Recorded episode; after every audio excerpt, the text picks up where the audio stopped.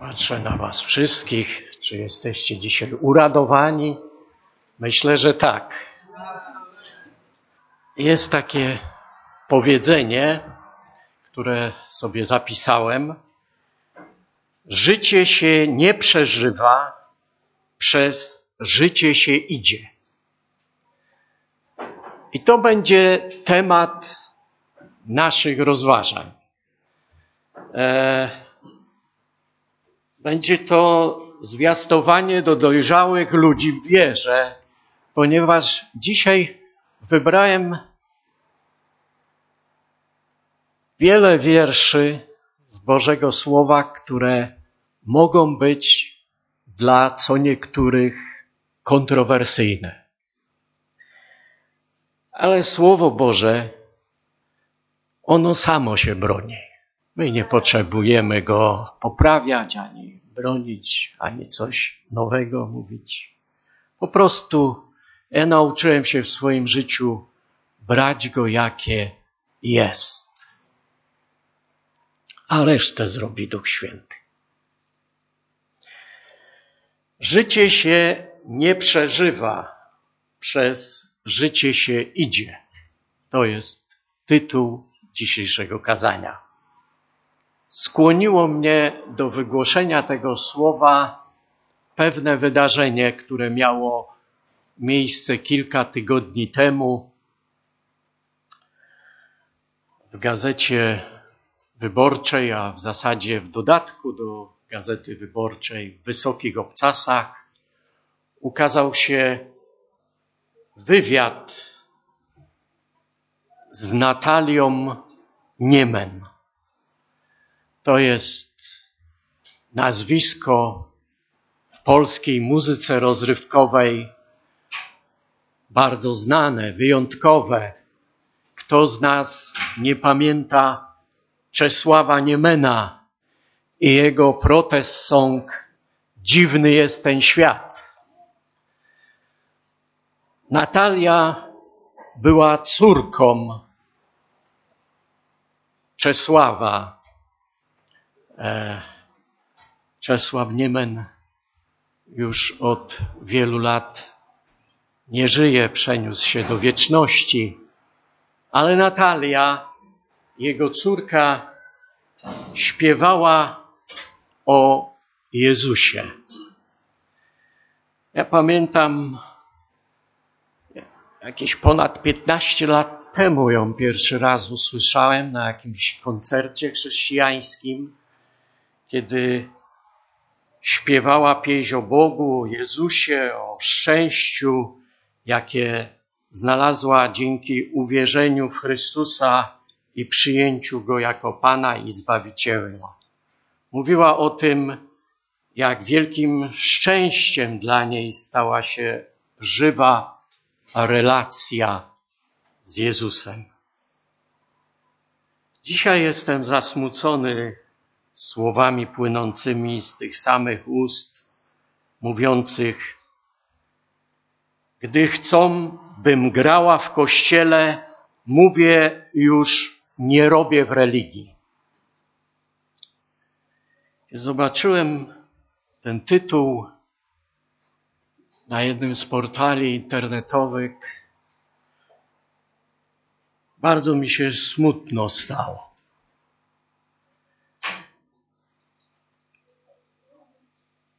Nie chciałbym dzisiaj Natalii w jakiś sposób tutaj osądzać. Każdy ma swoje życie. I każdy ma w tym życiu dobre i złe chwile. Ta opowieść o Natalii myślę, że jest taką chwilą, w której możemy usłyszeć: uważaj, zwróć uwagę, zastanów się, przemyśl. Życie się nie przeżywa, przez życie się idzie. Kiedy apostoł Paweł napisał w liście do Tymoteusza: Damas mnie opuścił i odszedł, umiłowawszy ten świat, to myślę, że w naszych sercach jest ból. Taka przykrość z powodu tego, że ktoś poznał Chrystusa, a potem go w swoim życiu podeptał. Dla mnie to są przykre rzeczy, kiedy o czymś takim słyszę, a słyszę o tym co jakiś czas. W ogóle w naszym kraju jest moda na to, żeby wyrzekać się wiary. Zwłaszcza w tym największym historycznym kościele w Polsce wielu wyrzeka się wiary, występują oficjalnie z kościoła i mówią, że to jest apostazja z ich strony i że nic nie chcą mieć wspólnego z Bogiem ani z Kościołem. To są czasy, nasze czasy. To są nasze chwile. I w tych chwilach też musimy powiedzieć w pewnym momencie: uważaj, zastanów się. To, co widzisz, powinno cię doprowadzić do refleksji, do jakiegoś głębszego przemyślenia, jeśli chodzi o Twoją wiarę, jeśli chodzi o Twoje chodzenie z Bogiem. Biblia, którą tak kochamy, Biblia jest niezwykłą księgą. I nie wiem, czy zwracacie na to uwagę, ale Biblia jest napisana do wierzących ludzi. Biblia nie zajmuje się udowadnianiem, że Bóg istnieje. Biblia zakłada, że ten, co ją czyta, poznał Boga albo go szuka. My wielką wagę przywiązujemy do czytania Biblii, do odnoszenia jej do naszego życia.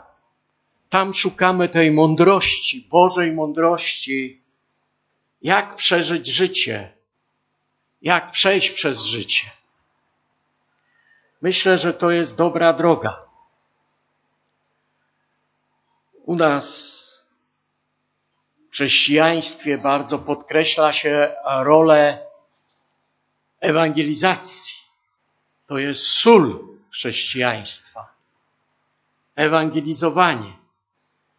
Mamy często przed oczami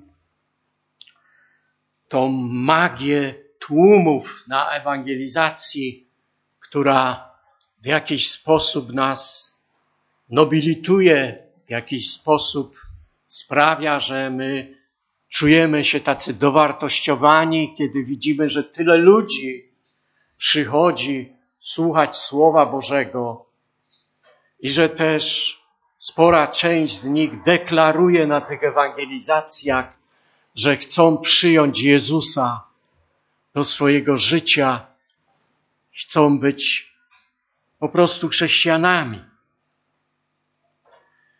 I kiedy tak patrzę na to wszystko i patrzę też po latach na życie ludzi, którzy na ewangelizacjach powierzyli swoje życie Jezusowi,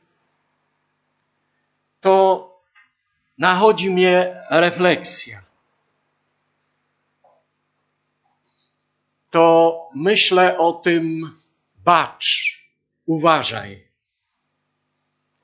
I przychodzą mi na myśl słowa Pana Jezusa, które są zapisane w Ewangelii Łukasza 12:32. Łukasz 12:32. Pan Jezus mówi tam: Nie bój się, maleńka czutko. gdyż upodobało się Ojcu Waszemu dać Wam królestwo. Zauważcie, Jezus nie mówi o wielkich tłumach, ale mówi tu o małej czutce, o małej grupie ludzi, dla których Bóg w zasadzie upodobało mu się dać królestwo, a więc uczynić wyjątkowymi. Być w królestwie, być częścią królestwa, to jest zaszczyt. I Jezus nobilituje swoich uczniów poprzez podkreślenie tej wyjątkowości. I powiada, że to wcale nie będzie wielu,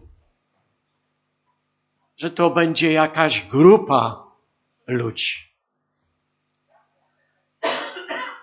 I tak się zastanawiam nad tym, co zrobiła Natalia. Jak to się stało, że ona się stała chrześcijanką? Jak to się stało, że z chrześcijaństwa tak szybko zrezygnowała? Wiecie, tak zastanawiałem się w ogóle nad ewangelizacją, nad członkostwem w kościele. Nie wiem, czy wiecie, ale nasi starsi bracia w wierze Żydzi mają taki zwyczaj, zanim kogoś przyjmą do społeczności. To wcześniej rabin trzykrotnie w odstępie przynajmniej siedmiodniowym zniechęca kandydata do przyjęcia judaizmu.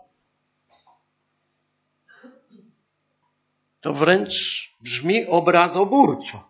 Jakże to my wszelkimi sposobami mamy ewangelizować, tłumy prowadzić do Chrystusa. A ci tu taki numer robią, że zamiast przyciągnąć ludzi, ileż to razy my kogoś na siłę zapraszamy do zboru, no przyjdzie, żeś tyle razy mi obiecywał, choć raz. Choć raz przyjdź. Posłuchaj. A tutaj rabin trzykrotnie zniechęca kandydata do przyjęcia judaizmu jako religii, której chce służyć Bogu w swoim życiu. Moi kochani, judaizm jest elitarną religią w zasadzie skierowaną do narodu, jednego narodu, do narodu żydowskiego. I my czytamy o tym, że to jest naród wybrany. To jest taki diament, taka perła w rękach wszechmogącego Boga. Żydzi skupiają się na sobie jako na narodzie wybranym, choć akceptują konwersję innych narodów na judaizm. Można, nie będąc Żydem, wyznawać judaizm, ale to potrzebuje pewnego procesu, jeśli chodzi o przyjęcie do społeczności żydowskiej. A więc ja tak sobie myślałem, co oni to robią, stosując takie dziwne praktyki. I pomyślałem sobie, że im zależy, żeby człowiek, który przychodzi do synagogi i mówi, że jest wierzący, miał świadomość, rzeczywistą świadomość bycia wierzącym żeby to nie był akt podjęty pod wpływem chwili, jakiejś emocji, jakiegoś wyjątkowego zdarzenia, ale żeby to było coś zgodne z wolą, z umysłem, z pragnieniem, z uczuciami, żeby to wszystko współgrało, żeby ktoś powiedział: Tak, ja wiem, jakie są koszty uczniostwa i ja decyduję się na nie. Nie wiem, co myślał sobie Demas, kiedy przyjął Jezusa Chrystusa jako osobistego Zbawiciela. Kiedy chodził w tym zespole ewangelizacyjnym i widział wszystkie te cuda, jakie działy się podczas głoszenia Ewangelii w Azji, w Europie. To są rzeczy, które zastanawiają. Ja dzisiaj powiedziałem na początku, że będę mówił o rzeczach kontrowersyjnych, o rzeczach, które zastanawiają. Myślę, że jest też czas taki w życiu człowieka, że też przynajmniej raz w życiu powinien się pochylić nad tym, nad tym tematem. Pomyśleć o tych rzeczach jakby trochę z innej strony. Jakby zobaczyć je trochę w innym świetle. Żeby mój wybór, moja decyzja świadomego pójścia za Jezusem była decyzją pewną. Kiedy ten zespół ewangelizacyjny głosił Słowo Boże w listrze, to nazwano ich bogami. A potem przyszli Żydzi, czy ktoś tam jeszcze, i podburzyli ten sam lud, i ten sam lud w tym samym mieście za chwilę wyprowadził apostoła Pawła poza miasto i ukamienował go tam. I kiedy wszyscy myśleli, że on już zginął, nagle on wstał i poszedł. I wiecie, co jest napisane? Że oni poszli, żeby utwierdzać innych w wierze. Po takim czymś idą i mówią, że Jezus żyje, że Jezus jest Panem. I, I my pójdziemy, choćby nie wiem, co się działo, pójdziemy za nim. To jest świadome chrześcijaństwo. To nie jest chrześcijaństwo, które się rodzi pod wpływem chwili, ale to jest głębokie przemyślenie, poważna decyzja. Ewangelii Marka, 16 rozdział, 15 werset z Biblii Tysiąclecia, czytam i rzekł do nich, idźcie na cały świat i głoście Ewangelię wszelkiemu stworzeniu. Piękne. Wspaniałe.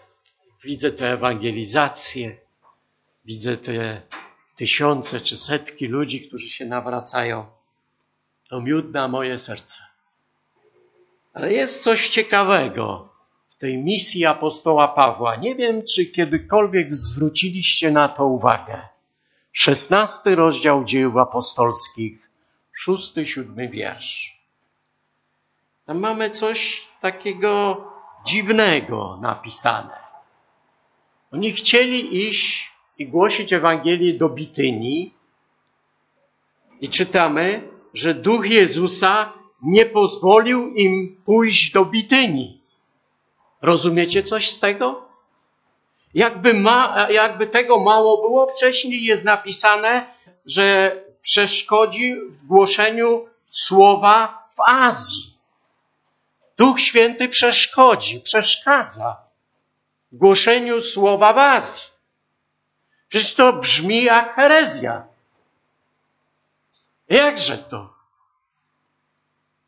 No to są te trudniejsze fragmenty Słowa Bożego. Uprzedzają Was, że dzisiaj o czymś takim chcę powiedzieć, a w zasadzie przeczytać, bo tak jak Wam mówiłem, Słowo Boże samo się najlepiej tłumaczy Słowem Bożym.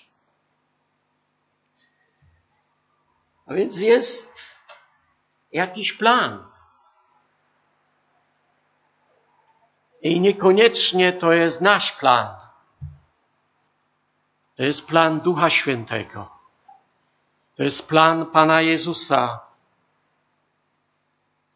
I apostoł Paweł i ci, którzy z nim byli, uszanowali tę wskazówkę. I nie poszli tam. Z historii Kościoła wiadomo, że Bitynia, tam Azja usłyszały Ewangelię, bo tam powstały kościoły, powstały zbory. Nie wiem, jak to się stało, ale w dziejach apostolskich mam taki fragment Słowa Bożego, który uczy mnie pokory i zaufania do Boga, do Jezusa Chrystusa, do Ducha Świętego. Bo On wyznacza czas, pory. Do Niego należy teraźniejszość, przeszłość i przyszłość. On po prostu wie lepiej niż wiem ja. I dzisiaj to szanuję i z szacunkiem pochylam się nad tym słowem i rozmyślam nad nim. Bracia i siostry, my powinniśmy badać Słowo Boże. My powinniśmy się nad wieloma fragmentami Słowa Bożego zastanawiać, a nie tylko wybrać te, które nam odpowiadają i, i je sobie czytać i powtarzać. Całe pismo jest natchnione i pożyteczne do nauki, do wykrywania błędów. A więc trzeba czytać całą Biblię. Bracia i siostry, i też tak jest w tym kościele z tymi ewangelizacjami i z tymi nawróceniami ludzi. Wielu się nawraca, ale nie wszyscy wytrwają do końca. I ja znam wiele osób, które dobrze zaczęły. Powiedziałbym, perspektywiczne były, bo się dobrze rozwijali w wierze, robili postępy, ale przyszedł dzień, tak jak dzień w życiu Natalii, jakiś ciemny dzień, i powiedzieli: My już nie robimy w religii. My teraz mamy swoje życie. Religia nas tylko ograniczała. Teraz możemy robić, co chcemy. Ewangelii Marka w 13 rozdziale, 13 wierszu jest napisane i będziecie w nienawiści u wszystkich dla imienia mego. Ale kto wytrwa do końca, będzie zbawiony. I to bym radził za, zapamiętać. Jeśli nie cały ten werset, to tą końcówkę. Kto wytrwa do końca. Kto wytrwa. Więc tam jest mowa w trwaniu, a nie w podskakiwaniu. Halleluja! Popodskakuje, popodskakuje i za jakiś czas go nie ma w kościele. No tak jest. Mądre pytanie. Tak jest. Kto wytrwa do końca, a więc to wytrwanie to nie jest chwilowe uniesienie w wierze, ale to jest coś, jak skała, jak pewny grunt pod nogami. Coś, na czym się opieram. Trwam jak skała. Należy do Jezusa. Należy do Boga, który jest skałą, który jest opoką. Trwam.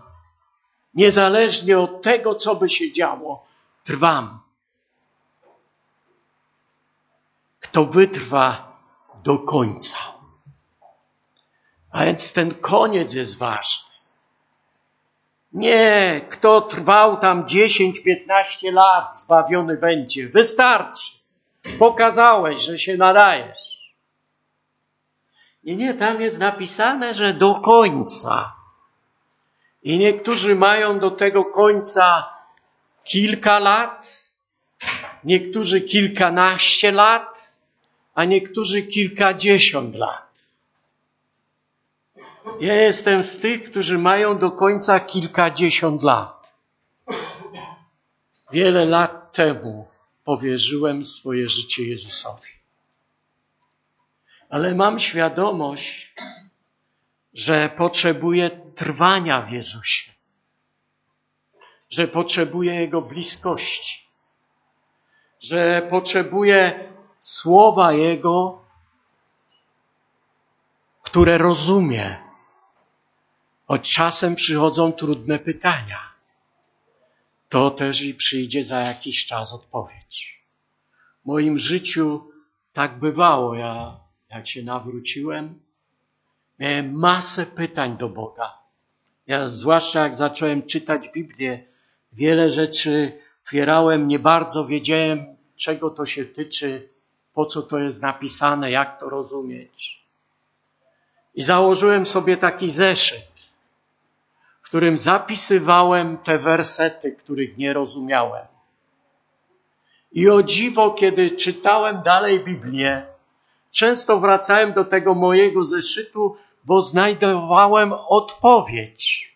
I wpisywałem sobie tam obok tego pytania referencje, rozdział i werset z jakiejś księgi, którą przeczytałem w Biblii, i tutaj widziałem, że to jest odpowiedź. To jest rozwiązanie tej zagadki, którą nie potrafiłem ja sam rozwiązać, sam zrozumieć. Trwaj. Kto wytrwa do końca, będzie zbawiony. Nie kto przyjął Jezusa Chrystusa jako osobistego Zbawiciela,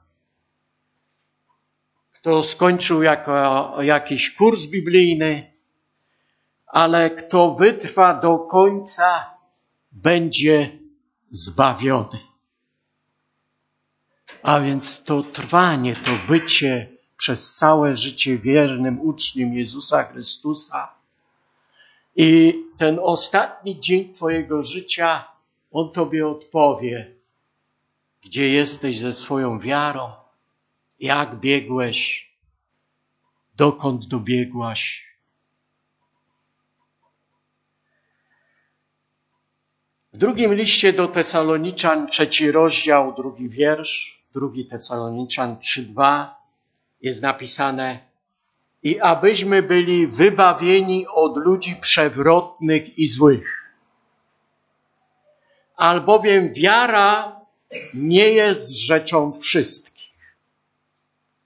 I znowu, jeśli coś macie z tego wersetu zapamiętać, to te ostatnie słowa. Wiara nie jest rzeczą wszystkich. Ja kiedy patrzę na te zmagania ludzi, to siłowanie ich się z Bogiem, to yy, czasami kontrowersyjne zaobejście się i czasami nasuwające się pytanie, czy to rzeczywiście ktoś jest wierzący, czy rzeczywiście ten ktoś był wierzący to chcę, bracia i siostry, zacytować to, co jest w Bożym Słowie napisane.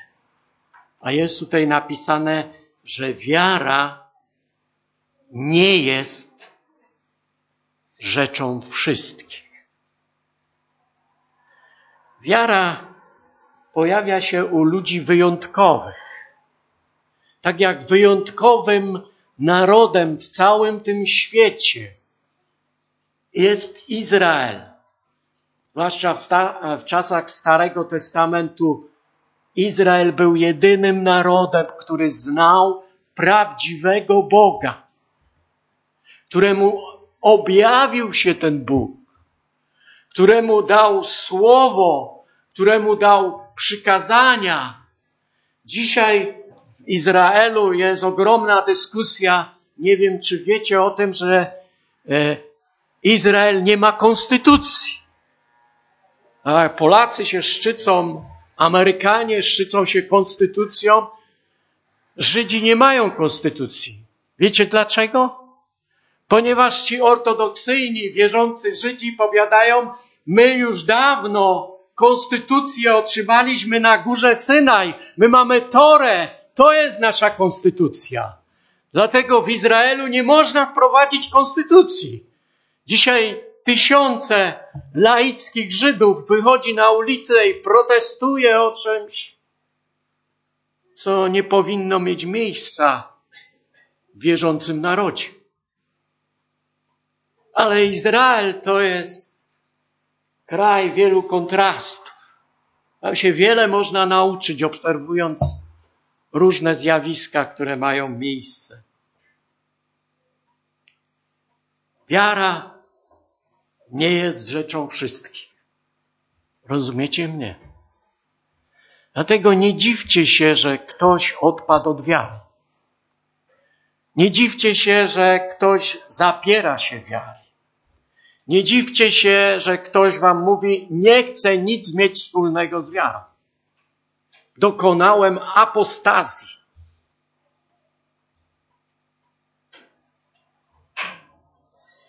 W wielu kościołach głosi się, że piekła nie ma. Dlaczego? Bo Bóg jest miłością i zbawi wszystkich.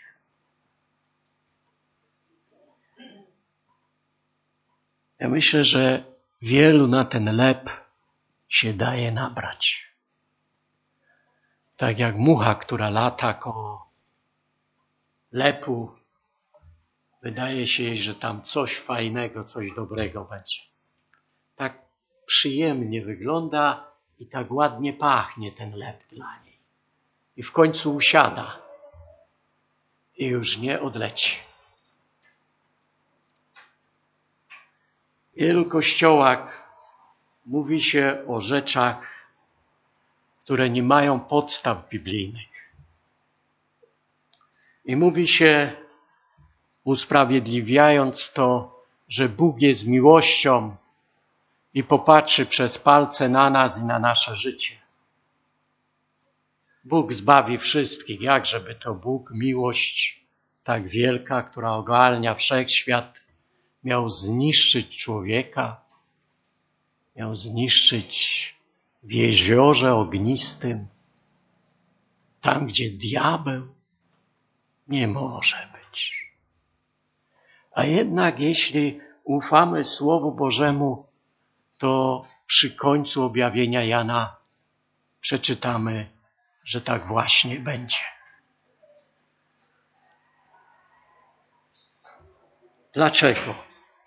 W Ewangelii Mateusza jest napisane 22 rozdział, 14 wiersz, Mateusz 22, 14. Bo wielu jest powołanych, lecz mało wybranych. I tu macie tą wielką ewangelizację. Tu macie te tłumy. I potem po latach widzicie, jak to się wszystko dalej potoczyło. Warto ten wiersz pamiętać i nie zadawać głupich pytań Bogu. A czemu, panie, a gdyby to, a tamto? Ja nauczyłem się szacunku do Boga. Ja z Bogiem nie dyskutuję, bo wiem, że On lepiej wie. No mnie się wydaje, że ja wiem, ale Bóg lepiej wie niż ja. Bo wielu jest powołanych, wielkie tłumy, lecz mało wybranych. Niewielu z nich do końca zostanie z Jezusem. Pamiętacie tą historię? Ona opisana jest w Ewangelii Jana, bodaj w szóstym rozdziale. Jest mowa o uczniach Jezusa. Kiedyś Jezus powiedział coś mocniejszego, jeśli chodzi o Ewangelię. Coś trudniejszego. Jest napisane, odtąd wielu zawróciło i nie chodziło już z nim. Pożegnali Jezusa. Powiedzieli, twarda to mowa, któż to przyjąć może? No, Ewangelia, jeśli mówi o grzechu, to rzeczywiście jest to twarda mowa. I tam mamy napisane, że wszyscy zgrzeszyli i brak im chwały Bożej. I że grzeszne życie Bogu się nie podoba. Dlatego posłał swojego syna, aby każdy, kto w niego wierzy, nie zginął, ale miał życie wieczne. Po to przyszedł Jezus, żeby rozwiązać Twój i mój największy problem życiowy. Tym problemem jest grzech. I kończąc, bracia i siostry, te nasze rozważania, chciałbym przeczytać werset z listu do Hebrajczyków, trzynasty rozdział, siódmy wiersz. Hebrajczyków 13:7. Pamiętajcie o swych przełożonych, którzy głosili wam Słowo Boże i rozpamiętując koniec ich życia, naśladujcie ich wiarę. A ja się zgorszyłem w kościele. Ani mi nie mówcie o tym bracie czy tej siostrze. To zakała. Nie chcę nic wspólnego mieć z takim kościołem i z wami. Słyszeliście to? Ja to czasem słyszę. Przychodzą tu do mnie ludzie i przeróżne głupie rzeczy wygadują. Doświadczenie duszpasterskie nauczyło mnie, że czasem odpowiedzią na takie wywody, najlepszą odpowiedzią jest po prostu milczenie i pomodlenie się za takiego człowieka. Bo wielu jest powołanych, lecz mało wybranych. Słowo Boże mówi o przełożonych, o pastorach, o biskupach, o tych, którzy mają czuwać nad trzodą, a tak często dzisiaj się widzi, że nie czuwają, że wielu pogubili, potracili, że nauki dziwne głoszą, których trudno do, w Biblii się doszukać. Ale tutaj jest napisane, że mamy pamiętać o przełożonych, którzy głosili Słowo Boże, którzy mówili kazania w zborze. Mamy, mamy mówić o nich, mamy brać ich pod uwagę tylko w momencie, kiedy koniec ich życia zaświadczył o tym, że oni prawdziwie byli uczniami pańskimi, że do końca dotrwali, że nie wyparli się wiary, że nie pobłądzili. To są ci przełożeni, na których macie patrzeć i rozpamiętywać koniec ich życia. Zastanawiać się nad tym, jak oni doszli do takiej czy do innej rzeczy w swoim życiu. Rozpamiętując koniec ich życia, nie początek. Koniec. Koniec jest najważniejszy. Koniec wieńczy dzieło.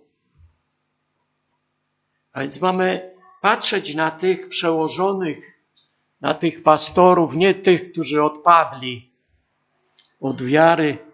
Tu mógł kilka przykładów z naszego kościoła podać, poopowiadać wam, ale nie chcę tego robić. Tak jak nie chcę oceniać Natalii. Chcę, żeby życie tych ludzi było przestrogą dla nas. Uważaj, bo on też chodził z Jezusem. On też głosił wiele rzeczy, dobrych rzeczy, ale źle skończył. Albo źle skończył. Pamiętajcie o swoich przełożonych, którzy głosili wam Słowo Boże i rozpamiętując koniec ich życia, naśladujcie ich wiarę. Wtedy ich naśladujcie. Jak macie koniec ich życia, mówiący o tym, że to byli wierzący ludzie, to wtedy dopiero ich naśladujcie. Jak patrzeć na ten świat, na to wszystko, co nas otacza, na tą apostazję, na te wszystkie trudności. I wiecie, że jest odpowiedź Biblii na końcu objawienia Jana, na samym końcu Biblii.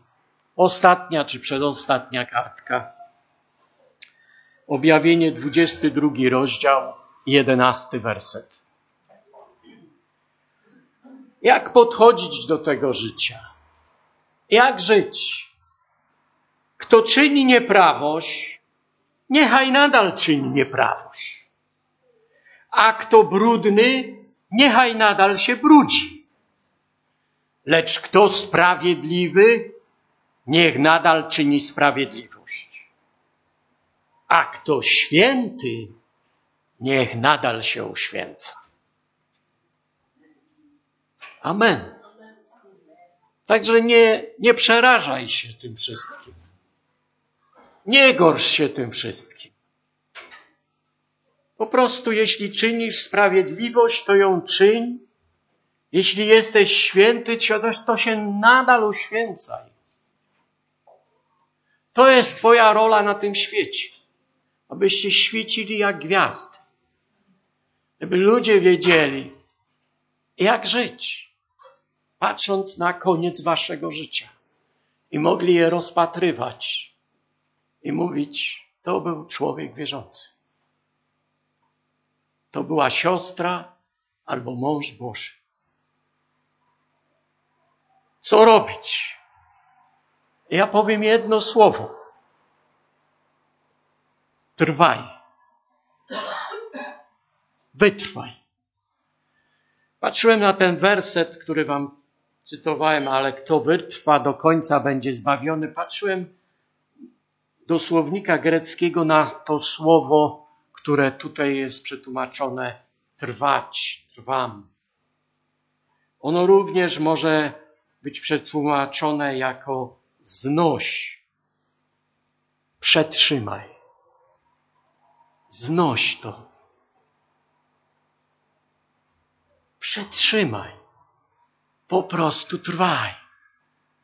Pan przyjdzie wkrótce, bo pocieszał się Kościół. I wszyscy byli skoncentrowani na tym wydarzeniu. Po prostu trwaj. Nie myśl o tym, że u tamtego czy u tamtej to czy tamto się wydarzyło. To się działo i dziać będzie. Ale ty trwaj. Pamiętaj, jak przyjdą te trudne chwile i będziecie to nachodzić, i będziecie to gorszyć, i będziesz się denerwować z tego powodu. Pomyśl o tym, że trzeba trwać. Kto wytrwa do końca, będzie zbawiony. I dzisiaj, bracia i siostry, nie wiem, czy Natalia wierzy jeszcze w modlitwę, ale ja wierzę i wy wierzycie. I chciałbym, żebyśmy nie oceniali Natalii Niemen, ale po prostu, jak przystało na porządnych chrześcijan, pomodlili się o nią. Dlatego chciałbym, bracia i siostry, też Was zachęcić, kiedy widzicie takie sytuacje, to pomódlcie się. Pomódlcie się, nie sądźcie, nie oceniajcie, nie wydawajcie wyroków, bo Pan jest sędzią. On wszystko wie. My nie zawsze. Zapraszam Was, powstańmy do modlitwy.